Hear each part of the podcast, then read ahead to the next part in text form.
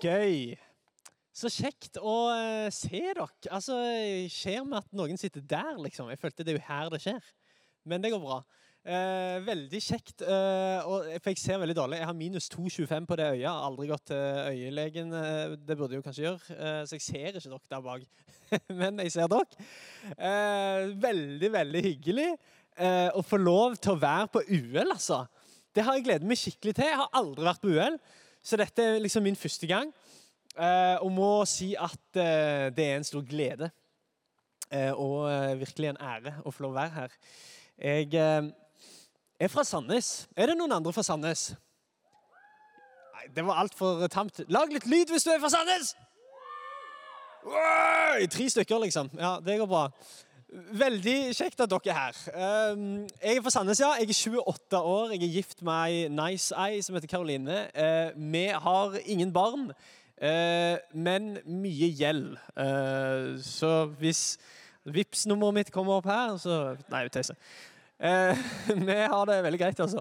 Men uh, syns at det er ufattelig gøy å få lov til å reise litt rundt og bli litt kjent med hva som skjer rundt forbi, og snakke om Jesus. Det er liksom den største hva skal jeg si, pasjonen, eh, den største gleden i mitt liv. Eh, meg og Karoline har vært sammen eh, siden vi var 14 år. Er det noen her som er 14 år?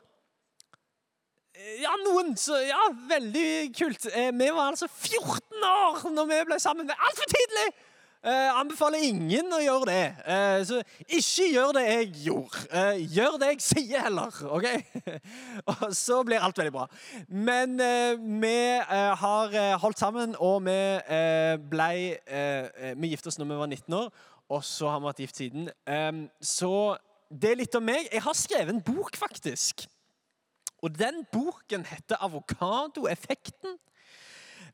Og den handler om Jesus. Eh, og den handler om å leve med en brann i livet sitt. Egentlig, Undertittelen her er 'En introduksjon til å leve entusiastisk'. Så den handler egentlig om hvor kommer entusiasme fra, hvorfor er noen mer entusiastiske enn andre. Hvordan tar man vare på entusiasmen sin? Hvordan brenner man for Jesus uten å brenne opp? Det er et himla godt spørsmål. Eh, hvordan brenner man for, for, noe? Fordi det er faktisk mulig å brenne så mye for noe at det bare er aske igjen når dagen er over, sier Truls Åkerlund. Og det vil man jo ikke. Man vil jo brenne, men man vil jo ikke brenne opp. Så en tredjedel av boken handler om det. da. Eh, litt sånn tips og triks om hvordan man eh, eh, holder ut. Og jeg er 28 år, så jeg har jo på en måte ikke holdt ut helt ennå. Eh, kan være jeg gir meg snart. Men, eh, men jeg har ingen planer om det. Men jeg har noen praksiser som har vært viktige for meg eh, for å få på plass i mitt liv, eh, som gjør at eh, Jesus alltid har vært levende for meg. Selvfølgelig går det opp og ned med gode og dårlige dager, så dette er ikke en sånn manual. Men eh, det er likevel noen, eh, noen praksiser som kanskje vil lede deg på en retning. Så jeg ville bare gjøre en liten sånn reklame for den. Det er til og med bilder eh, inni her. Karoline, min kone, hun er sånn som ikke leser, hun ser bare på bildene. Um, så derfor tenkte jeg, og Hun har fortsatt ikke lest boka, men hun har sett på bildene. Uh, og det er gode bilder, det må jeg bare si. Så hvis du er en sånn person som tenker sånn jeg, jeg er veldig dårlig å lese, dette er en bok for deg. ok? Eh, og hvis du uh, har aldri lest en bok før, så er det sånn ca. 70% av de som har kjøpt denne boka, her sier det. Jeg har aldri lest en bok før, men denne boka klarte jeg å lese, så det føler jeg er en positiv ting. Og de har til og med overtalt meg her på UL til å uh, sitte igjen og signere litt. Hvis det er noen som har lyst til å kjøpe den boka, skal de til og med uh, få uh, nedsatt verdien på boka med at jeg skribler litt i den. så det er en mulighet, da, hvis du har lyst til det. OK? Bra! Wow! Steinbra. Og eh, det, det, som er viktig for meg, det er at eh, den koster 249. Eh, og alle pengene går til fattige studenter, og jeg er en av de. Så det er veldig positivt, da. Så det vil jeg òg bare ta med. Så bra. Altså, jeg liker jo liksom sånn at man er litt på lag her nå. Og eh, nå har jeg liksom forberedt noen tanker og sånn.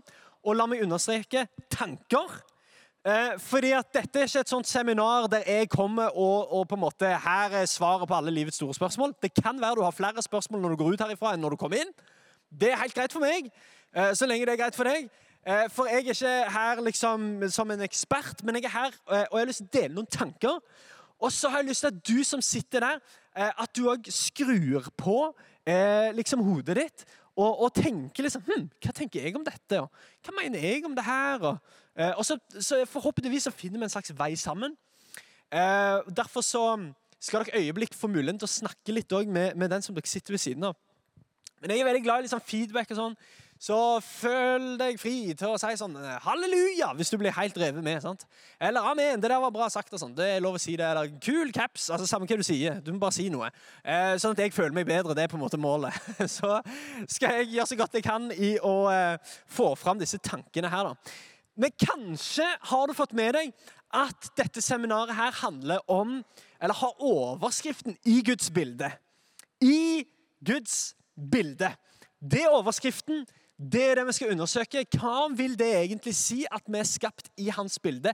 Hvilke konsekvenser får det egentlig for oss? Fordi man lever i et samfunn der det er sånn eh, I Norge i dag så er det ikke sånn at alle tenker det, at mennesker er skapt i Guds bilde. Det er egentlig veldig få som tenker det. Det, det, det er på en måte de kristne, eh, og kanskje noen til, som tenker at vi er skapt i Guds bilde. Men jeg mener jo at når man snakker om hva et menneske er verdt, når man snakker om liksom menneskeverd, når man snakker om mening, når man snakker om hensikt og identitet, så er det utrolig vanskelig å si noe smart om det hvis man ikke tror det er en gud som står bak mennesket. Utrolig vanskelig å si hva et menneske er verdt hvis ikke det står en gud bak mennesket. Vi kommer tilbake igjen til det. Eh, Men det er på en måte målet og, og det som er overskriften og, og, tanken her nå. Jeg skal øyeblikk lese noen vers, men kan vi ikke gjøre det sånn at du snur deg til den du sitter ved siden av? Eh, at man er liksom to og to eller tre og tre. Og så vil jeg at du skal bruke to minutter nå på å diskutere dette spørsmålet her. Hva gjør et menneske verdifullt? Hva gjør et menneske verdifullt? Hvilke komponenter, hvilke, hvilke, aspekter må man undersøke for å finne ut av hva et menneske er verdt? Er det at man puster? Er det at man har bevissthet? Er det, hva er det for noe? Hva gjør et menneske verdifullt? For det er jo sånn man tenker, ja, et menneske er uendelig verdifullt. Og i, i dag, når vi våkner opp til grusomme nyheter, der, der det er noen som har gått løs på eh, og, og tatt livet av mennesker i Oslo, så er jo alle i sjokk og alle i sorg. Hvorfor det? For mennesket er jo uendelig verdifullt. Men hvorfor det, egentlig? Hvorfor det? Diskuter det to og to, tre og tre. Hva gjør et menneske verdifullt? Kjør! OK. OK, OK. Her er det, I et rom som dette så er det garantert veldig mange bra tanker ute og flyr nå. Eh, ta vare på det. Hva gjør egentlig et menneske verdifullt? Vi har ikke muligheten til å liksom, eh, ta en runde nå, det kunne vi sikkert gjort, og det hadde sikkert vært bra. Men eh, jeg har lyst til å peke på et par ting. Eh, og jeg understreker igjen, dette er noen tanker. og så har jeg lyst til å begynne med å lese noen vers. Fordi jeg, jeg er så takknemlig for Bibelen. Som faktisk setter ting inn i et system. Noen tenker at Bibelen er en sånn der uh, utdatert uh, eventyrbok. Men, men, Bibelen har overvunnet kongedømmer og konger. Eh, og har overvunnet all slags samfunn og sivilisasjoner i tusenvis av år. Og den er her fortsatt. Vi har bygd et helt samfunn. Vi har bygd hele vår sivilisasjon på den boka der. Det er noe der som, som, som er fundamentalt eh, og, og, som sier noe, noe helt essensielt om hva det vil si å være et menneske og hva det vil si å forholde seg til hverandre, og hva det vil si at, at det fins en Gud, osv. osv. Eh, og det jeg elsker med Bibelen, det er første Mosebok. Det er en spennende bok, og det er en gammel bok, så, så det er liksom ikke alt som er like lett å forstå. Det anerkjenner vi. Men det er noen ting her som jeg har lyst til å trekke fram. Eh, og Det første vi skal lese, er fra første Mosebok, kapittel 1. Hvis du har en bibel, så er det lov å bla opp nå. Første Mosebok, kapittel 1. Du kan òg ta notater hvis du vil. Eh, bare for å huske dette seminaret, hvis du hadde tenkt til det. Eh, første Mosebok, kapittel 1, vers 26 og 27. Det kommer ikke på skjermen, men la meg lese. For der står det at Gud sa La oss Jeg må bare stoppe der allerede. For oss, jeg synes det er gøy at Gud sier 'oss' før, før han har skapt så veldig mye. Så sier han 'la oss'. Eh, det vitner jo om treenigheten, og det vitner jo om at eh, Gud alltid har eksistert som et fellesskap. Tenk på det. Fellesskap har alltid eksistert. Så Gud sier 'la oss lage mennesker i vårt bilde, så de ligner oss'. Det er en helt syk tanke! At Gud sier 'la oss skape mennesker i vårt bilde', så de ligner oss. Altså, mennesker ligner på skaperen sin. De skal råde over fiskene i havet og fuglene under himmelen, over fe og alle ville dyr og alt som kryper og som det kryr av på jorden. Og Gud skapte mennesket i sitt bilde. I Guds bilde skapte han det. Som mann og kvinne skapte ham dem. Altså, meg og deg er skapt i et bilde. Hva, hva betyr det? Eh, dette, dette, er bare en liten sånn filosofisk tanke. Jeg håper det går greit. Men har du tenkt på at alt har blitt skapt to ganger? Folk bare Men tenk, tenk, over det her bitte litt. Alt, alt, som du ser, alt er blitt skapt to ganger. For eksempel, det, det er ikke sånn at eh, det bare liksom, de var på eh, liksom en fabrikk og styrte på og sveisa og liksom holdt på med noen greier, og så pff, Wow, neck! Det var, ikke, det var ikke sånn det skjedde. Sant? Noen hadde jo tenkt ut denne Mac-en her først. Noen hadde hatt en visjon, noen hadde tegnet, noen hadde planlagt. Altså, Noen hadde skapt det her inne, og så kunne de skape det her ute. Denne boka her Det er ikke sånn at eh, de liksom bare holdt på på trykkeriet der, eh, og liksom holdt på med noen greier og maskiner. og vet ikke søren hva de gjør på trykkeri. Men det er ikke sånn at det plutselig Oi, avokadoeffekten! Wow, for et budskap! Sant? Altså, Noen, det vil si meg, har jo tenkt ut dette. Altså, jeg har skapt det her inne. Og så ble det skapt her ute. Du skjønner tanken? Stolen som du sitter på, har først blitt noen har designet, noen har tenkt ut, noen har skapt det i hodet sitt, og så har det blitt skapt i virkeligheten. Absolutt alt! Til og med jorda, til og med mennesker, er skapt to ganger fordi det ble først skapt i Guds bilde. Så ble det skapt i virkeligheten. Dette er veldig avgjørende. Dette er helt essensielt at vi forstår. At vi er et avbilde av noe. Og Det står òg at vi, er, vi, skal råde over fisken i havet, over fuglene i himmelen og over alt som kryper på jorda. Alt som det kryr av på jorda. Vi skal, altså, med andre ord, vi er ikke bare avanserte dyr. Nei, nei, vi er noe annet. For vi er de eneste som er skapt i et avbilde. Altså, vi er et avbilde av et bilde. Vi er de eneste skapte som ligner skaperen. Det betyr at vi er skapt òg for å skape. Og Det betyr òg at vi er satt over dyrene. Hvis ikke du har en gud, ja, da er det sinnssykt vanskelig å si hva et menneske er verdt. Og Da er det jo sinnssykt vanskelig å argumentere for at mennesker skal ha flere rettigheter enn dyr. Hvorfor i all verden skal de det? Hvis, vi, hvis det ikke fins noen gud, ja vel, who cares? Da er vi bare avanserte dyr, da. Nei, nei, men Bibelen er klar på at vi er ikke avanserte dyr. Vi er satt over dyrene. Og vi skal råde over dyrene. Fordi at vi er et avbilde av en autoritet, og derfor har vi autoritet. Vi er avbilde av en skaper, og derfor skal vi skape. Henger du med? Henger du med? Så bra! Fytti, dette går jo kjempebra, syns jeg. Og i Første Mosebok kapittel 2, der skal vi òg lese bitte litt. Første Mosebok kapittel 2, vers 7. Det er et kort vers. Men uh, nå har altså Gud akkurat snakket om at la oss skape mennesket i vårt bilde. Og så står det om selve prosessen. Og Da står det da formet Herren Gud mennesket av støv fra jorden.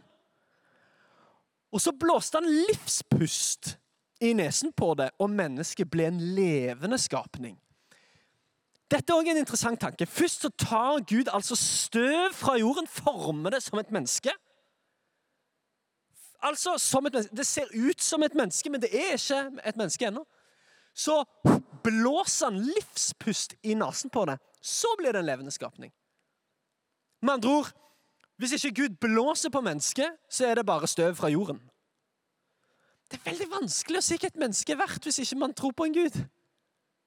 Fordi at Jeg tror at menneske er uendelig verdifullt fordi at jeg, alle mennesker låner Guds pust. Han har pusta. Det gjør oss til levende skapninger. Så lenge jeg er her på jorda, så er jeg en som låner Guds pust på livets siste dag. Så skal jeg utånde, og han skal få pusten tilbake igjen, og jeg skal bli til støv igjen. Men akkurat nå så låner jeg hans pust. Derfor er jeg uendelig verdifull. Sykt vanskelig å si hva et menneske er verdt. Og hva som er poenget med å leve. Og hva som er hensikten, og hva som er menneskeverd, hvis man ikke tror det fins en designer. Dette er to vers. Vi kan jo dra for masse greier, men dette er to vers. Og Første Mosebok er for meg det er bare en, det er en nøkkel, altså. I et samfunn som vårt, der det virker som alle er i en slags nå, nå, vet jeg at jeg maler med litt sånn brei pensel og er litt sånn depressiv eh, i kommunikasjonen min her. Jeg håper det går bra. Men i et sånt samfunn som vårt så kan det av og til virke som at det, alle er i identitetskrise. på en måte. Alle, Ingen vet helt hvem de er. Alle lurer på hvorfor man er her. Og alle prøver å skape sin egen identitet. Alle prøver å snekre sammen noe eget. Ja, men jeg er sånn, og, og dette har jeg bestemt at jeg er. Uh, og så henger det ikke nødvendigvis sammen med biologi. og sånn, Det er bare noen tanker og noen følelser. og sånn. Og så gir vi veldig dårlige råd, har jeg lagt merke til, i vårt samfunn. Man sier ting som 'bare vær deg sjøl'. Og det er jo et kjempedårlig råd å få hvis ikke du vet hvem du er. Ja, men jeg mener, Vær deg sjøl. Ja vel, hvem er det, da? Jeg har ikke peiling. Det er jo det jeg prøver å finne ut av. Hvem er jeg? Nei, bare vær deg sjøl. Hæ, hva mener du? Det er ikke som å si til en som sulter, ja, bare spis. Eller eh, en som er fra Bergen, bare sol deg litt. Det går ikke an å si det. Det gir jo ingen mening. Og så, sånne råd gir vi til hverandre. liksom. Bare vær deg sjøl. Og kanskje så er det dette som er en av de verste løgnene som har, vi har vedtatt som sam, sannhet i vårt samfunn, nemlig det at det er kun du som har svaret på hvem du er. At det er kun du som har svaret på din identitet. At det er kun du som bestemmer. At det er dine følelser som er den øverste autoriteten. At det er følelsene dine som avgjør hva som er sant. Og hør, Det er jo flott når alt er topp. Så hvis jeg føler meg eh, fantastisk, ja, da er det jo helt fantastisk hvis at følelsene mine er sannheten, for da er jeg jo fantastisk. Men hvis jeg føler meg dritt, hva skjer da? Blir jeg dritt da? liksom? Eller hva, er det, hvis det er følelsene mine som bestemmer, hvis jeg føler meg verdiløs, blir jeg det da, liksom? Eller er det sånn at det er andre ting utenfor mitt liv som avgjør hva jeg er verdt? Hva som er meningen med mitt liv? Hvorfor jeg er her på jorda? Nå har det blitt litt sånn hvis du føler det sånn, så er det sånn. Og, det, og Dette tror jeg er en illusjon, for følelser har jo ikke alltid rett. Dette vet vi jo. Følelsene våre har jo ikke alltid rett. Noen ganger så føler jeg meg sykt sint, og så er jeg bare sulten, f.eks. Sant? Følelser ligger opp og ned. Og, og, og, jeg pleier å si at følelser en, en, kan være en flott tjener, men det er en elendig sjef. Følelser kan være en helt topp tjener. Altså kan, den hjelper oss i å forstå noen ting som skjer med oss. Vi skal lytte til følelsene våre. Ikke, jeg prøver ikke å si noe annet. Ja, ja. Skal, det er en grunn for at man føler de tingene som man føler, kanskje. Så det er en fin tjener. altså han kan, han kan, hjelpe meg i å forstå hva som skjer i verden, og hva som, hva som skjer i virkeligheten. Men følelser er en elendig sjef. Hvis følelser aldri blir filtrert, hvis følelser aldri blir utfordra, hvis det bare blir sjefen i livet ditt Det er en elendig sjef! Fordi at følelser går opp og ned. Sant? Jeg vet jo det, jeg er gift sant? og har vært det i ni år. Og det er ikke sånn at, eh, at liksom hver eneste dag så er jeg superforelska i min kone. Det er ikke sånn. Nei, noen ganger så går det på en måte ned. Skjønner du? Det går opp, og det går ned. Og hvis at følelsene mine da er sjefen i livet mitt, og det har gått litt tid der det ligger litt nede, hva skal jeg gjøre da? Er det da plutselig riktig å forlate kona mi? Fordi at jeg følte det var mer riktig å forfølge den affæren som jeg hadde med noen på jobb, liksom? Eller er det sånn at det er noe utenfor hjertet vårt, utenfor følelsene våre, som òg har en saying når det gjelder identitet, når det gjelder menneskeverd, osv., osv. Dette må du huske. Følelser er alltid ekte, men de forteller ikke alltid sannheten. Følelser er alltid ekte, men de forteller ikke alltid sannheten. Derfor, når folk kommer til deg og sier sånn, vet du hva, jeg føler det sånn, så kan ikke du si sånn Nei, det gjør du ikke. Sånn, må du, det må du ta på alvor. Derfor så, så Ofte når meg og, og kona mi krangler, sant? Så kan, så kan, hun si et eller annet til meg som jeg er helt uenig i. Så, nei, det har jeg jo aldri gjort, eller det har jeg jo aldri meint, eller det har jeg jo aldri sagt. kan jeg si da. Og så sier hun sånn Nei, kanskje ikke, men det føles sånn! Sant? Og da er det sånn OK, da må jeg jo bare gi opp. Altså, Når, når, eh, når krangelen har blitt sånn at man sier ja, men jeg føler sånn, hva, hva, da er det ikke noe mer å si. på en måte, sant? Da er det over, da. Ja, Hvis du føler sånn, da var det vel sånn. Det er, ikke, det er veldig vanskelig å diskutere med folk med følelser. Eh, veldig, veldig vanskelig. Men, men, det jeg må gjøre da, det er at jeg må anerkjenne at hun føler det sånn. Skjønner du? Følelser er alltid ekte. Det er ikke sånn at det fins fake følelser. Nei, nei, alle følelser er ekte. Men følelser forteller ikke alltid sannheten likevel. Det er en god tjener, men en ganske dårlig sjef. Et annet dårlig råd som vi gir hverandre når vi snakker om disse tingene her, eller som man gir hverandre litt sånn generelt i livet. Sant? Fordi det er vanskelig hvis det ikke fins noen Gud. Hvis ikke det fins en designer som har en plan for mitt liv. Hvis ikke det fins noe der utenfor meg sjøl som forsørger meg, som har en plan for meg, som har tro på meg, som elsker meg, som vil meg noe, som, som kaller på meg Hvis, ikke, hvis alt det er bare kødd, ja, da er man jo lost i verden. da. Hvordan skal man da finne sin plass i verden? Og Da gir man hverandre sånne råd. Da sier man bare følg hjertet ditt. Følg hjertet ditt! Følg det som ligger der inne. Og, og, selv om jeg forstår det argumentet, og det er noe med det Jeg tror at Gud har plassert noen ting i, hjertene våre og, og, og, lagt noen ting der. Men jeg tror det kan være et ganske dårlig råd noen ganger. For jeg pleier å sammenligne hjertet med en løk. Løk har mange lag. Dette, nå ble det sånn i filmen Shrek. Har dere sett den? Løk har flere lag. Nei, samme det. Men i hvert fall eh, en, Altså, det er eh, en, en, en, løk Hva er greia med en løk? Hva skjer hvis du eh, skreller en løk? Hva finner du da? Ja, du finner løk! Sant, skjønner du? Veldig smart fyr her på andre rad. Ja, du, hvis, du, hvis, du, skreller en løk, hva finner du da? Mer løk! Du finner ikke noe nytt der. Du finner sånn, wow, her var det noe helt annet. Dette hadde jeg aldri sett for meg. Nei, du finner jo bare mer løk. Og, og Sånn er også hjertet vårt. Det er ikke sånn at Hvis du graver inni det, hvis du bare liksom leiter dypt nok, så finner du fantastiske sannheter du ikke visste lå der. Nei, nei. Hvis du graver i hjertet ditt, så finner du bare mer av det du allerede vet er der. Og så er det også sånn som med en løk. Hvis du holder lenge nok på med en løk, så begynner du å grine. Sånn er det med hjertet òg.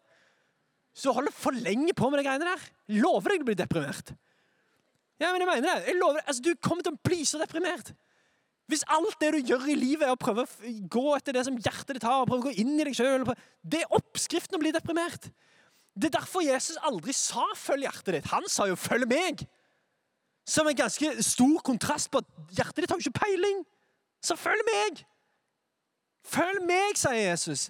Fordi at han er på vei riktig sted. Hvis du syns dette høres helt sekk ut, så sier Jesus i Matteus 15, 19, han sier det For fra hjertet kommer onde tanker, mord, ekteskapsbrudd, hor, tyveri, falskt vitnesbyrd og spott. Altså, Hjertet vårt er ikke fullt av fantastiske, nydelige ting.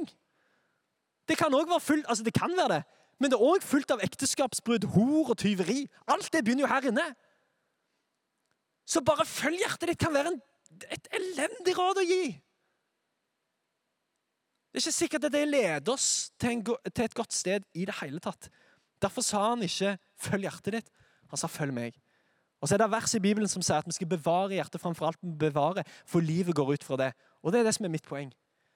Bevar hjertet ditt. Altså, ikke bare følg det, bevar det. Pass på det, jobb med det, beskytt det. Bygg en mur rundt det, sånn at ikke inntrengende løgner og stemmer får lov til å påvirke deg. Nei, følg det med Jesus og bevar det.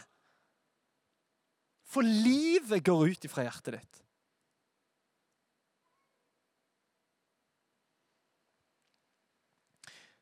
Jeg skriver litt i boka mi om ei dame som heter Marina Chapman. Det er ikke sikkert dere har hørt om hun, men La meg bare fortelle historien til Marina Chapman. For det er en ganske spesiell historie. Det som er greia med Marina, det er at når hun er ca. fem år gammel Hun vet ikke helt nøyaktig. Fem, seks, syv år gammel. Så eh, er hun sammen med familien sin i hagen, leker og har det gøy. Plutselig så kommer det altså, Hun beskriver det sånn at det, det bare kom en hette over hodet mitt og en arm rundt halsen min. Eh, og så ble jeg slept vekk fra min familie, kastet inn i en bil. Eh, og hun ble eh, neddopa, så hun husker ikke veldig mye fra denne turen. Men hun blir altså kidnappa og kjørt inn i den søramerikanske jungelen. Langt, langt, langt, langt, langt, langt inn.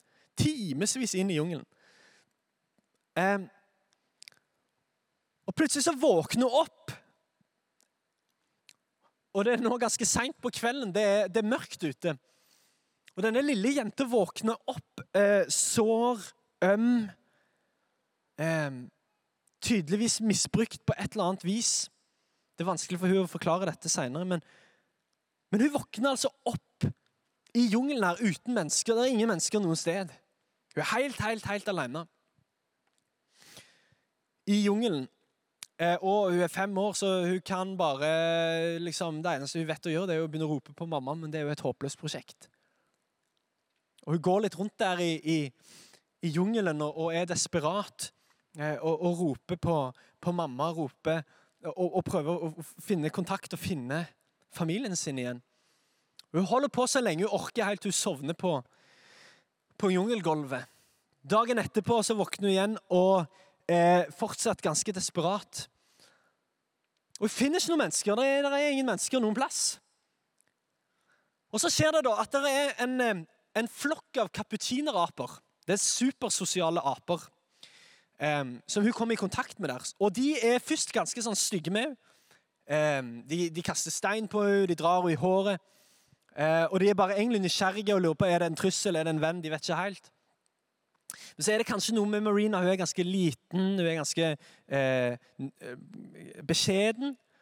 Som gjør at de til slutt på en måte bare godtar at hun er der.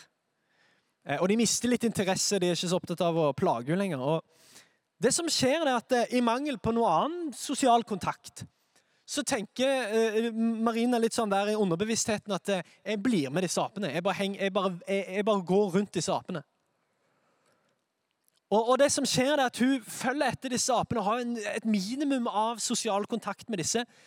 Um, og hun, hun, På et eller annet mirakuløst vis så, så, skjer det ingenting dramatisk med disse. Det er ingen som prøver å ta livet av det. Det er ikke noen dyr som, ville dyr eller noen ting som, som, som gjør at hun eh, mister livet eller blir skadet ute i jungelen. Fordi det går faktisk eh, ganske lang tid.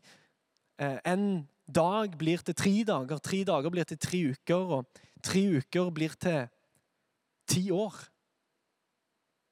Og hun er ute i denne jungelen i ti år. Og Hun har lært seg for disse apene at hvis du holder et, et, et blad opp til himmelen når det regner, så kan du lage en trakt og drikke av det. Eh, hvis du eh, tar noen spesielle nøtter og slår dem mot en spesiell stein, så får du ut innholdet, du kan spise det. Hun lærer seg hva slags ting som det går an å spise. En gang forteller hun om at hun ble eh, forgifta av noe hun hadde spist. Og Da er det faktisk flere av disse apene som drar ut til et vann og dukker unna, sånn at hun skal få drikke og bli god igjen. Så det er en veldig sånn spesiell greie. Det som skjer i løpet av disse ti årene, det er at hun mister seg sjøl fullstendig. Sant? Marina mister språket sitt. Helt, hun har jo ingen å snakke med, så hun mister språket. Hun glemmer og dette er det mange eh, psykologer sånn som kan bekrefte, at inntil en viss alder så er det faktisk mulig, hvis det er traumatisk nok, så er det mulig å glemme eh, nesten alt du har opplevd i livet fram til en viss alder. Hun begynner sakte, men sikkert hun begynner å glemme ting. Hvor kommer fra?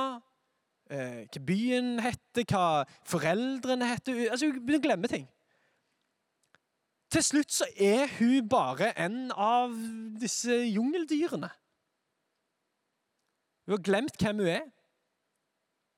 Og en dag mens hun sitter oppe i et tre, faktisk For det har hun begynt med etter hvert mens hun sitter oppe i et tre, så ser hun noe som skinner nede på bakken. og Hun springer ned til bakken prøver å dra opp denne, uh, denne tingen som hun ser, litt sånn nysgjerrig som et dyr. Så biter hun litt på den. Og, hva er det, hva er det jeg har funnet her? Og så, oh, så kaster hun det fra seg igjen fordi at hun plutselig ser at det hun holdt, hadde uh, øyne og nese. Sånn.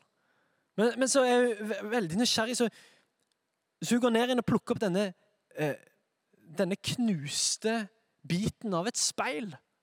For det hun så, var jo ikke et dyr, det var hun sjøl. Og hun ser på dette speilet, og det som skjer, det er ganske fantastisk. fordi i et millisekund så, så begynner ting å endre seg for Marina. Plutselig så innser hun at hun ikke ligner på de som hun gjør livet sammen med. Plutselig så innser hun Hun vet fortsatt ikke hvem hun er, men hun vet i hvert fall nå hvem hun ikke er. Hun er ikke de apene der.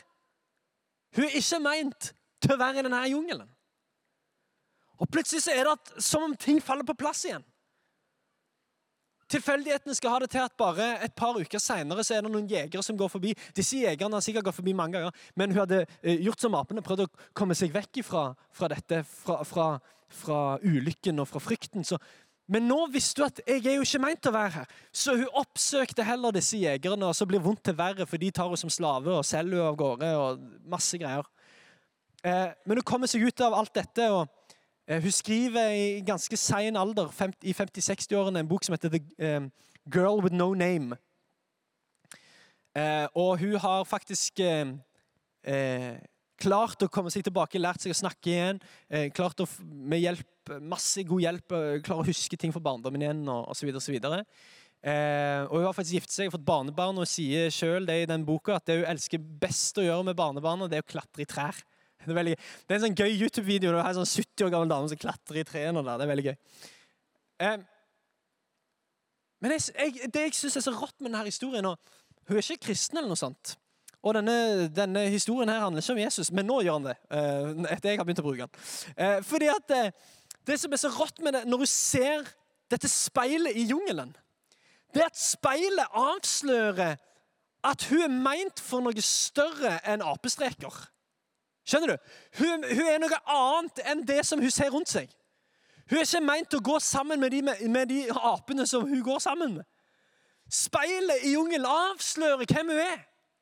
Og det som er så rått, er at Bibelen snakker om seg sjøl som et speil. At Guds ord er et speil. Og jeg tror at vet du hva, For å finne ut av hvem du er, for å finne ut av identiteten din, så er ikke nøkkelen å gå inn i deg sjøl. Nøkkelen er å gå inn i Guds ord.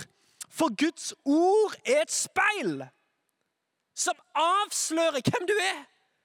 Som setter ting sammen som gjør at du forstår hvorfor du føler det du føler. Som gjør at du forstår hvorfor du er der du er. Guds ord er et speil som avslører Det er ikke sikkert at du finner ut av 100 hvem du er, men du finner i fall ut hvem du ikke er. Du er ikke meint til bare å gjøre det som alle andre gjør. For Marina så var det monkey see, monkey do. Jeg gjør bare det alle apene gjør, men vet du hva som er så sykt absurd i vårt samfunn? Det er at det er jo sånn vi òg gjør det. Monkey see, monkey. Ja, jeg, vet ikke, jeg vet ikke hvordan man skal gjøre dette greiene her. Jeg gjør bare det som alle andre gjør.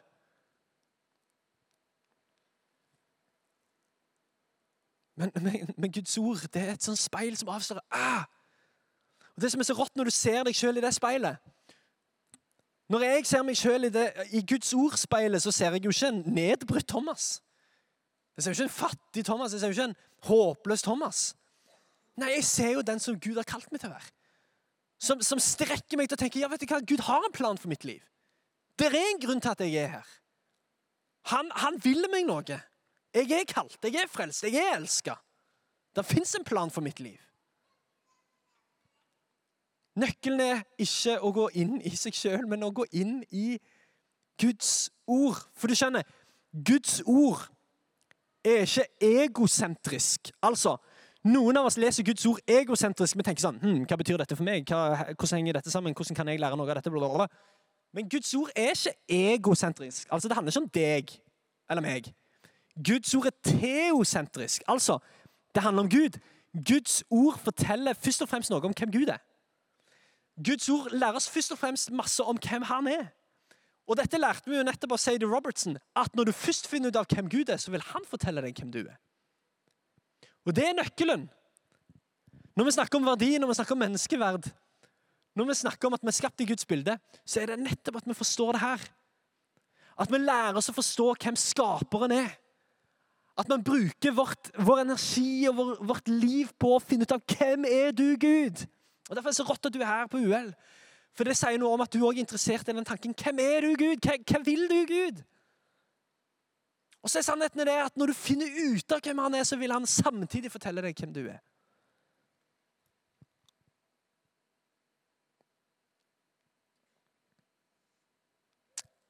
Ok, Et lite hakk tilbake til første Mosebok. Vi er skapt i Guds bilde, og vi ligner skaperen som vi er skapt av. Og Det lærer oss to ting. Nummer én det er at det fins en egenverdi i det å være et menneske.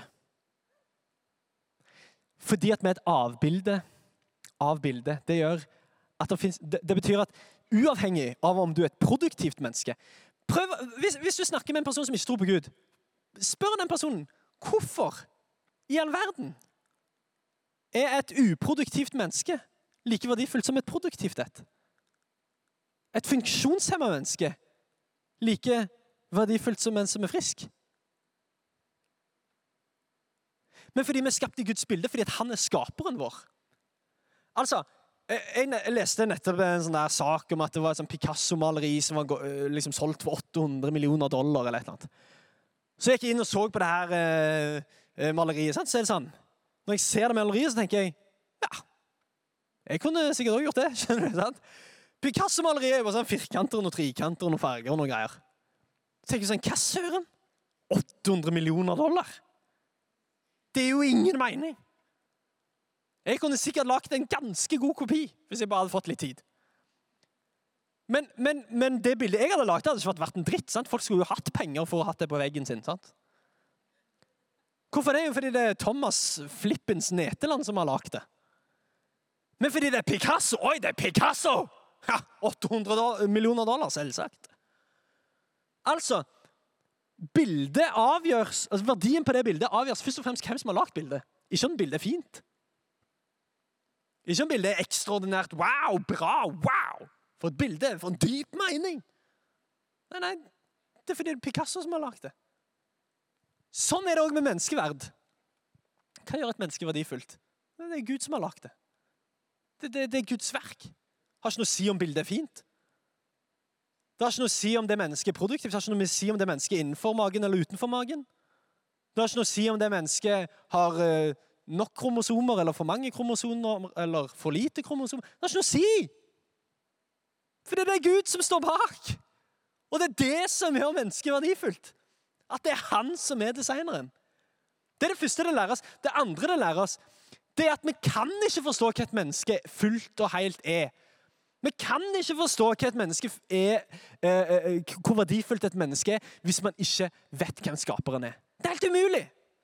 Vi kommer aldri helt og fullt til å forstå hva et menneske er hvis ikke man også forstår skaperen av det. Jeg husker en gang, jeg har en søster som er 13 år yngre enn meg, og hun kom en gang hjem fra barnehagen med en tegning. Det var sånn veldig sånn gul tegning. Eh, og mye rablerier og sånn 'Vær så god, jeg har tegnet dette til deg, Thomas.' Og så sa jeg 'Tusen takk'. Og så kasta jeg det. Nei da. Men jeg var liksom, Oi, hva er dette, liksom? Eh, har du tegnet uh, meg, eller hva? Og så sa hun sånn Nei, det er en banan. Og da var jeg sånn Ja, det er en banan! Selvsagt er det en banan! Kjempeflott banan! Men det så jo ikke ut som en banan. Men fordi at hun sa det var en banan, så er det sånn Ja, nå skjønner jeg at det er en banan. Skjønner du? Ok, Det var et dårlig bilde, men jeg håper, du, jeg håper du henger med. At det, det er litt sånn noen ganger. At hva er et menneske? Ja, det, det er noe, det er noe, i hvert fall. Det, vi har bevissthet, vi har pust, vi har tanker. Det er noe som skiller oss ut fra dyrene, men vi vet ikke helt. Hva er det? Nei, vi vet ikke helt. Men når du ser Gud Aha! Jeg forstår. Fordi når jeg ser Skaperen, så ser jeg alltid et nytt lys. Når jeg kjenner Han, så kjenner jeg alt annerledes. Det går ikke an å forstå hva et menneske er, og hva et menneske er verdt, hvis ikke man tar med Gud inn i den ligningen. Jeg skal avslutte. Men la meg ta med denne lille tanken her. Du vet, Mennesket sitt første problem hvis du tenker over det, Menneskets aller første problem var et identitetsproblem. Det var når Adam og Eva eh, ble frista av djevelen til å spise av dette treet som de ikke skulle spise av. Det djevelen sa til dem, slangen, det var dette at hvis dere spiser av dette eh, treet, hvis dere spiser frukten av dette treet, så blir dere lik Gud. Og det sådde tvil i hjertet til Eva om at jeg, er, jeg kan bli noe mer enn det jeg er. Jeg er faktisk ikke god nok som jeg er. Du vet, det, første problemet, det, det første menneskelige problemet det var et identitetsproblem. Er det sånn at jeg ikke er perfekt? Er det sånn at, jeg, at, at, at Gud holder noe tilbake igjen for meg? Og dette er fortsatt et problem den dag i dag. Grunnen til at man ikke tør å stole på Guds ord, det er at man har kjøpt løgnen om at det fins ingen dyp tilfredsstillelse i Han.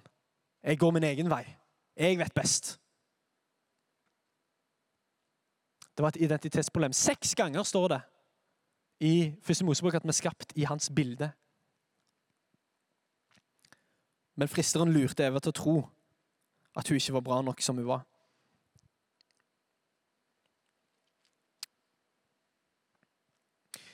Målet mitt her nå Jeg skal be en bønn til slutt. Men håper at du ser at disse tingene henger sammen.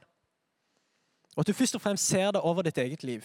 Ikke at du skal ha liksom, sånn der en intellektuell eh, og liksom skal begynne å kjøre sånn skoledebatter og begynne å snakke om det her. Det er, for å være kristen så trenger du ikke være ekspert på noe. Men det er så viktig at vi forstår det først og fremst når det kommer løgner mot oss.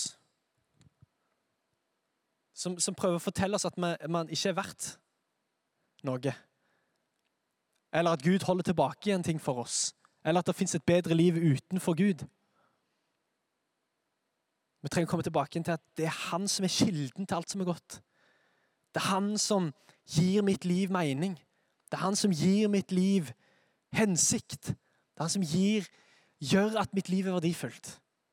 Det er han som er kilden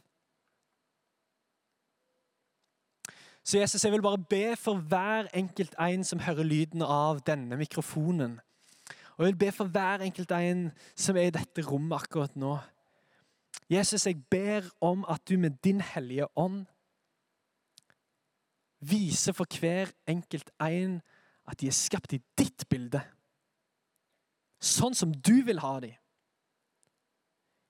De er skapt i ditt bilde, og de har din kjærlighet stempla i ansiktet sitt. Herre, du elsker hver enkelt en. Og det er du som gjør at vi er verdifulle. Det er du som gjør at våre liv gir mening. Så jeg ber om at det skal være en sånn dyp sannhet i hver enkelt en sine liv når de drar ifra UL. At de skal få lov å kjenne det, at de står på det fundamentet. At de er ikke verdifulle først og fremst overfor eh, deg i forhold til sine prestasjoner, at hvis de presterer, så, så blir de elska. Nei, nei. Det handler om din prestasjon, Jesus.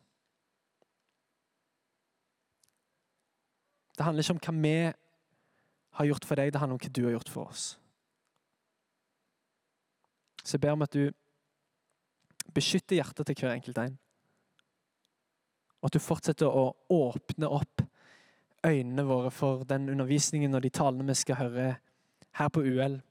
At det skal eh, plante seg og vokse til å bli noe som er til din vilje og til din glede. I Jesu navn. Amen.